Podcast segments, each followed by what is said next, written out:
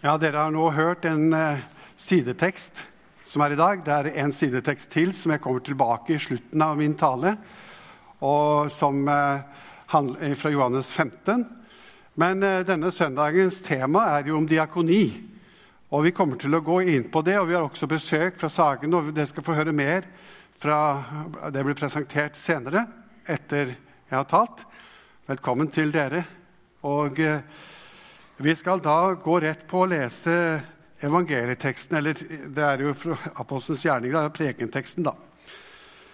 Og dere kan bare sitte. På denne tiden, da tallet på disipler stadig steg, kommer de gresktalende jødene med klager mot de hebraisktalende fordi deres enker ble tilsidesatt ved den daglige utdelinga. De tolv kalte da sammen alle disiplene og sa:" Det ville være galt om vi forsømte Guds ord for å gjøre tjeneste ved bordene.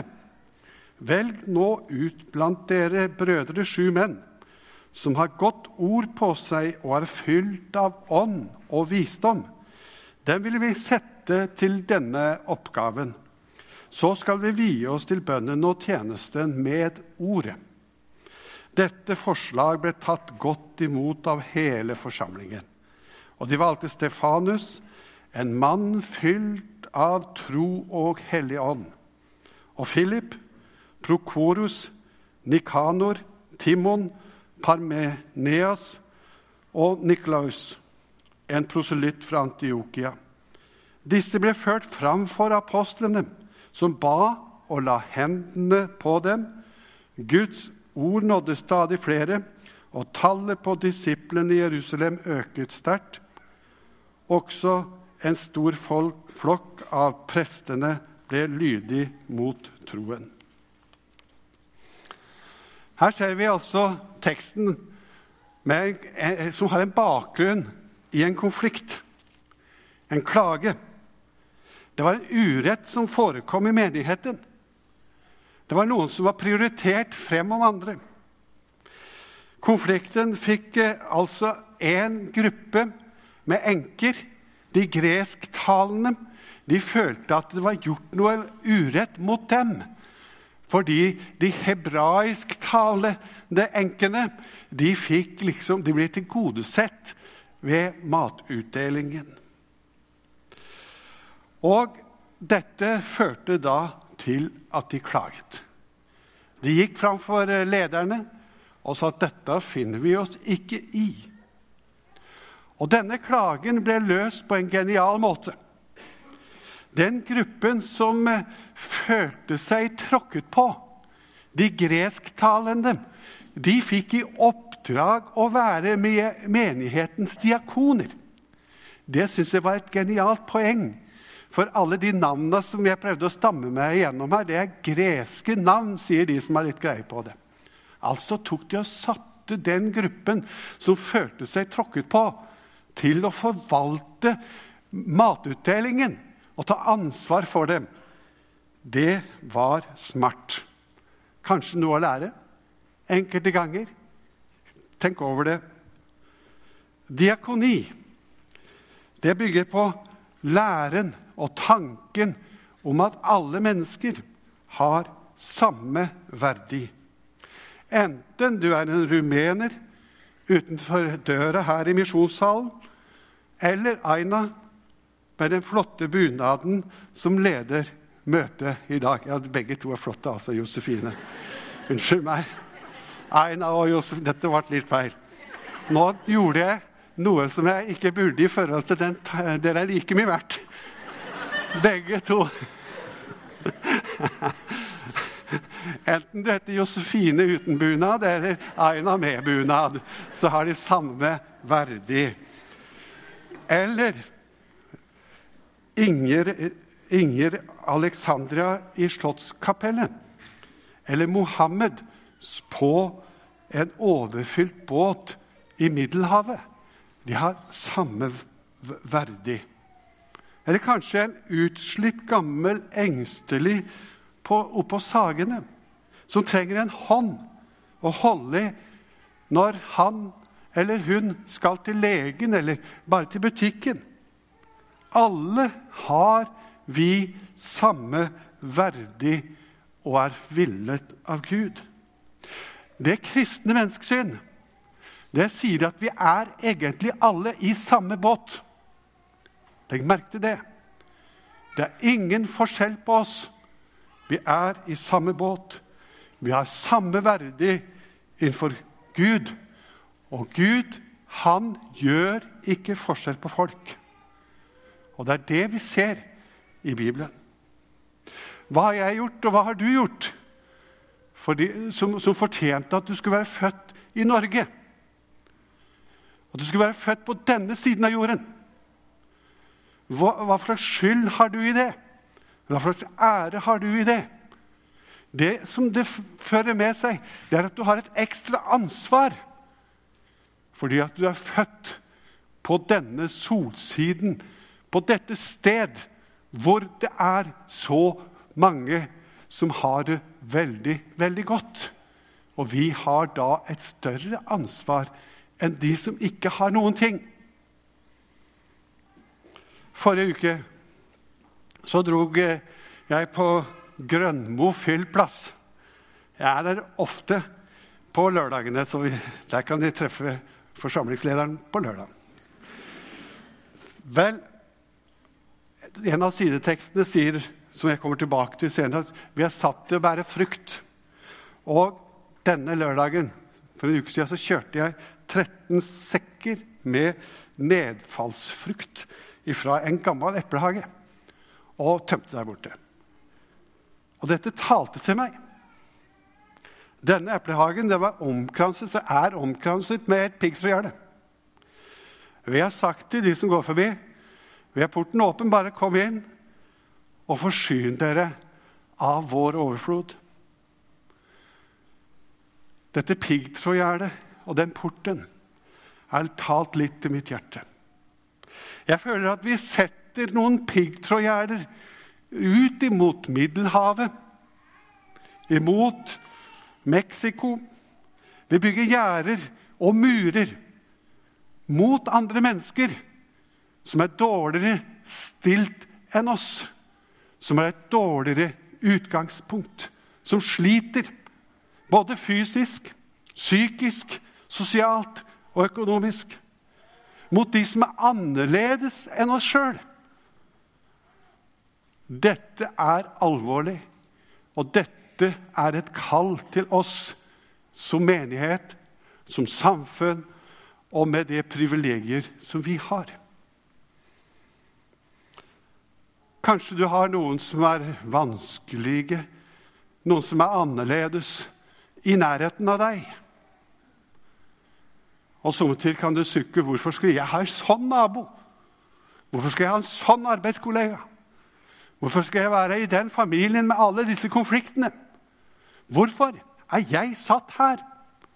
Og du kan begynne å klage på disse tingene. Kanskje Gud vil at du skal snu litt på tankerekken og si Hvorfor har de som er så vanskelige, de som er så problematiske, de som har, de som er annerledes Hvorfor har han fått deg som nabo? Deg som kollega? Deg som familiemedlem? Kan det være en tanke at Gud ville at nettopp de som har det så vanskelig og er så vanskelig og er annerledes, at nettopp de skulle møte Gud gjennom deg? Gjennom dine handlinger, gjennom ditt nærvær. Er det derfor du har fått disse vanskelige personene i nærheten av deg? Jeg tror du kan tenke slik. Jeg tror Gud vil at du skal tenke sånn. Jeg tror du kan gjøre livet annerledes for disse. Det er altså slik at, og jeg gjentar, det kristne menneskesyn sier at alle, både de vanskelige, de umulige, de som er utafor, og de andre, de som virkelig har fått det til, de som er vellykket, har akkurat samme verdi. Kirkens oppdrag det har vi holdt opp foran hverandre år etter år. Og vi skal fortsette med nettopp det. Det er ordets tjeneste, sier vi. Vi skal bære ordet, forkynne Guds ord, slik at frelsen kan komme til dem, og sjelen kan bli frelst, og osv. Vi har blitt en bevegelse som har ordets tjeneste. Og det er, det viktig, er veldig viktig, og vi skal fortsette å ha det som det viktigste. Men i denne teksten fra Apostlenes gjerninger som jeg leste, så var det slik at Gud satte inn i menigheten diakonene for at de som drev med årets tjeneste, ikke skulle forsømme den tjenesten. Hva forteller det? Hvorfor gjorde Gud det? Var fordi fordi han ville nedprioritere diakonarbeidet? Slett ikke. For de som forkynte, de måtte jo ta seg av de fattige. De måtte jo gi mat. Det hjalp ikke å stå der og preke Guds ord hvis folk sulta i hjel. De måtte være til stede med både ånden og håndens tjeneste i kirken, ellers så gikk det feil. Og Det er det vi lærer i dag. Så det prioriterte egentlig ikke diakonien ned, men opp. De måtte ha noe til å gjøre den jobben. For de andre rokk ikke å gjøre det, fordi de skulle preke, de skulle ha oppdrag på den måten.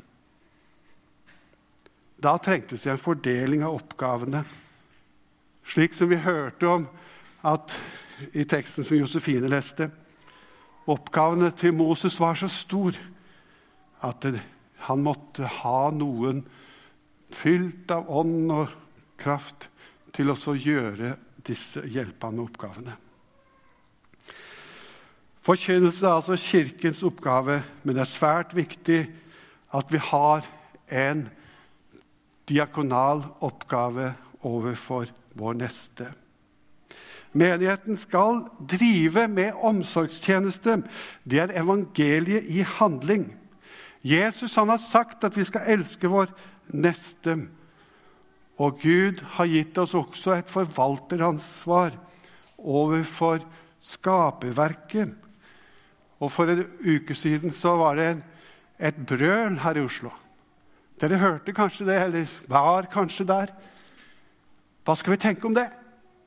Det brøles imot miljøet som ødelegges.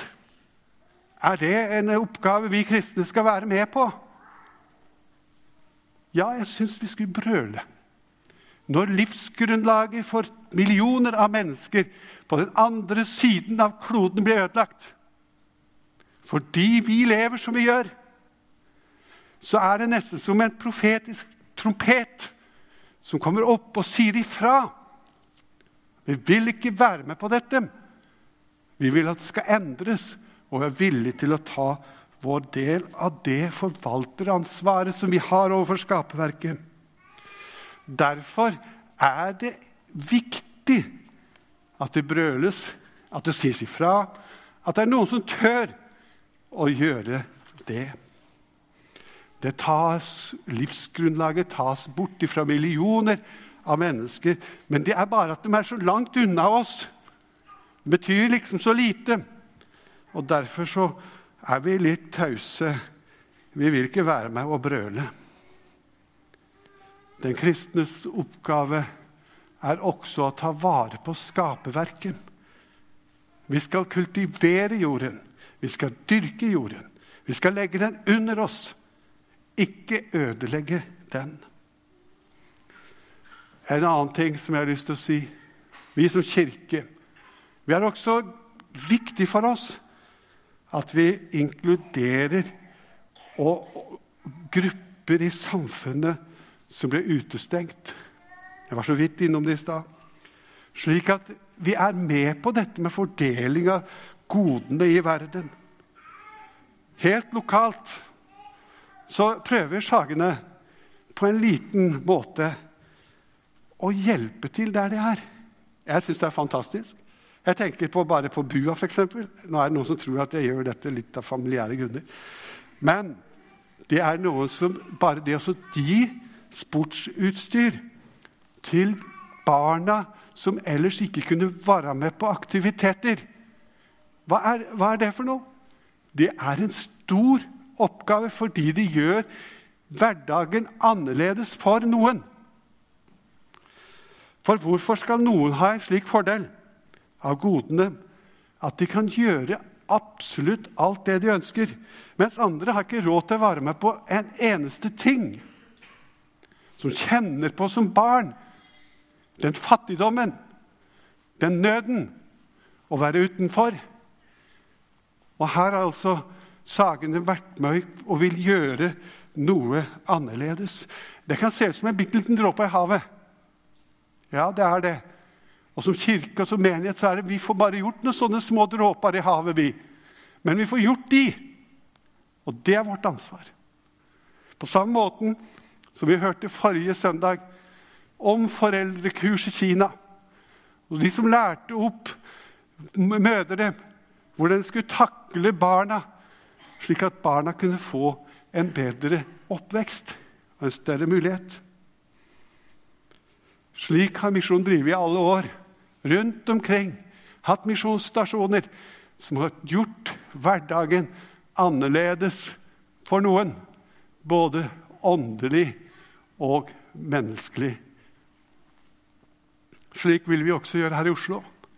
Vi ønsker at Sagene, som vi føler er det diakonale flaggskip, skal få lov til å få vekstmuligheter, slik at det kan være med å gjøre hverdagen annerledes for noen. Så vi er så takknemlige for dere som står der oppe og er med i det arbeidet. En annen gruppe som vokser i samfunnet vårt, som jeg har tenkt litt på, det er de ensomme. Det er en skjult lidelse. For det er liksom så vanskelig å snakke om det. Og det er stor prosent som sliter med det. Blant annet en 15-20% både av de helt pur unge og de gamle. Det er de to gruppene som sliter mest, de som ikke er i yrkesaktiv alder ennå, kanskje. For da får, på, på, på, jobben så får du kanskje litt øh, kontakt med andre folk. Så sliter de med ensomhet og har det vanskelig. Og Nå har jeg tenkt å ta et lite innlegg på, fra Facebook, som uh, kommer på skjermen, forhåpentligvis. Hei, sier jeg. Skip ohoi. Det er visst det som er eh, måten å si det på, er det ikke det? Skip ohoi. Jeg heter Vetle og er skikkelig ensomt menneske. Og er ikke spesielt stolt av det. altså. Etter noen år med sykdom og en ytterst tilbaketrukket tilværelse er jeg sørgelig underernært på menneskelig kontakt. Hjernen min har gitt kroppen min uttrykkelig beskjed om at jeg må gjøre noe med saken og bli mer sosial. Det er ikke lett. Tross mitt tynnslitte nettverk og noe klumsete framtreden skal jeg likevel gjøre et forsøk. Så derfor lurer jeg på, i all beskjedenhet, om noen kan gi råd, men til noen som har et skranglete selvbilde, om hvordan jeg kan løse dette. Når man står helt på bar bakke, hvordan kan jeg få én eller to gode venner? Et nødrop fra Vetle. Han bor ikke så langt herifra. Også, dette var tre år siden han var på Facebook. Han ble intervjua på TV 2, så jeg så også det intervjuet. Så etter, etter ett år så spurte, var det noen som spurte om hvordan det går med deg. Hjalp denne etterlysningen på Facebook?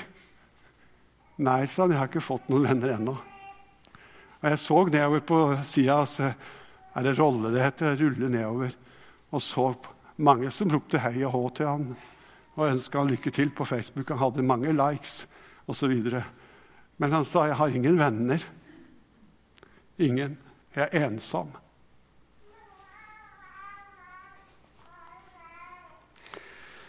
Men jeg har gått hos psykolog, da, sa han. Og så har jeg klart å begynne å leve, klare å leve med den ensomheten. Det er altså noe som både unge og eldre rammes av. Og kanskje noen unge kan trenes opp og ta kontakt med eldre. Og noen av oss eldre kanskje må tenke på at de unge trenger oss. Jesus han ville alle, han. Han oppsøkte de som lider, de som var i en vanskelig livssituasjon. De som eh, trengte hans varme og nærhet, de holdt seg nær til ham. Jesus han er og var, eller var og er, den største diakonen. Han gikk omkring og helbredet, underviste og forkjente. Han fortsetter med det i dag. Men hans legeme er Kirken. Det er du og jeg som legemliggjør dette i dag. Derfor skal vi fortsette å gjøre de gjerninger som Jesus har gjort. Vi er altså utlevert til hverandre. Vi har fått et fellesskap å leve i. Vi er ikke bare enkeltindivider som står helt for oss sjøl, men vi trenger hverandre hele tiden. Det er altså skapelsen, at Gud har skapt verden, som gjør er, grunn, er liksom grunnvollen for dette. Nestekjærligheten er avhengig Menneskene er gjensidig avhengig av hverandre. Og gjennom hele livsløpet så trenger vi å bli møtt med nestekjærlighet og barmhjertighet. Uansett hvem du er, så trenger du noen som er dine fortrolige. Og Jeg søkte flere ting på nettet når jeg forberedte dette. her. Og Da var det ett menneske som begynte, begynte å tenke på Satt der og gråt og, og, og, og fortalte i dag har jeg for første gang i livet mitt fortalt et annet menneske om hvordan jeg egentlig har det. Inni meg selv. Betrodd meg til et annet menneske. Kunne vi begynne å trene litt på å være, ha døra litt åpen over for de andre?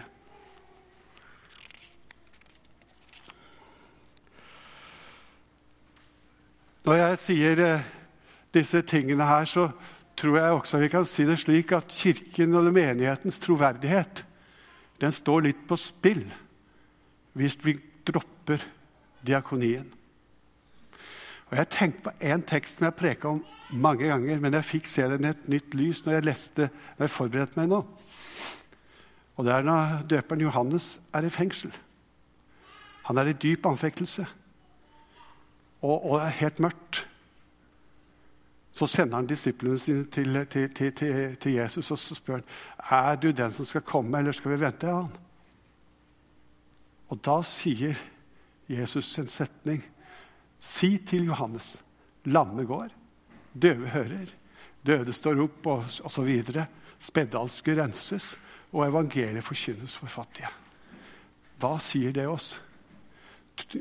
Jesus ville fortelle at han er den han har sagt seg å være, og gjerningene som han gjorde, forteller hvem han er.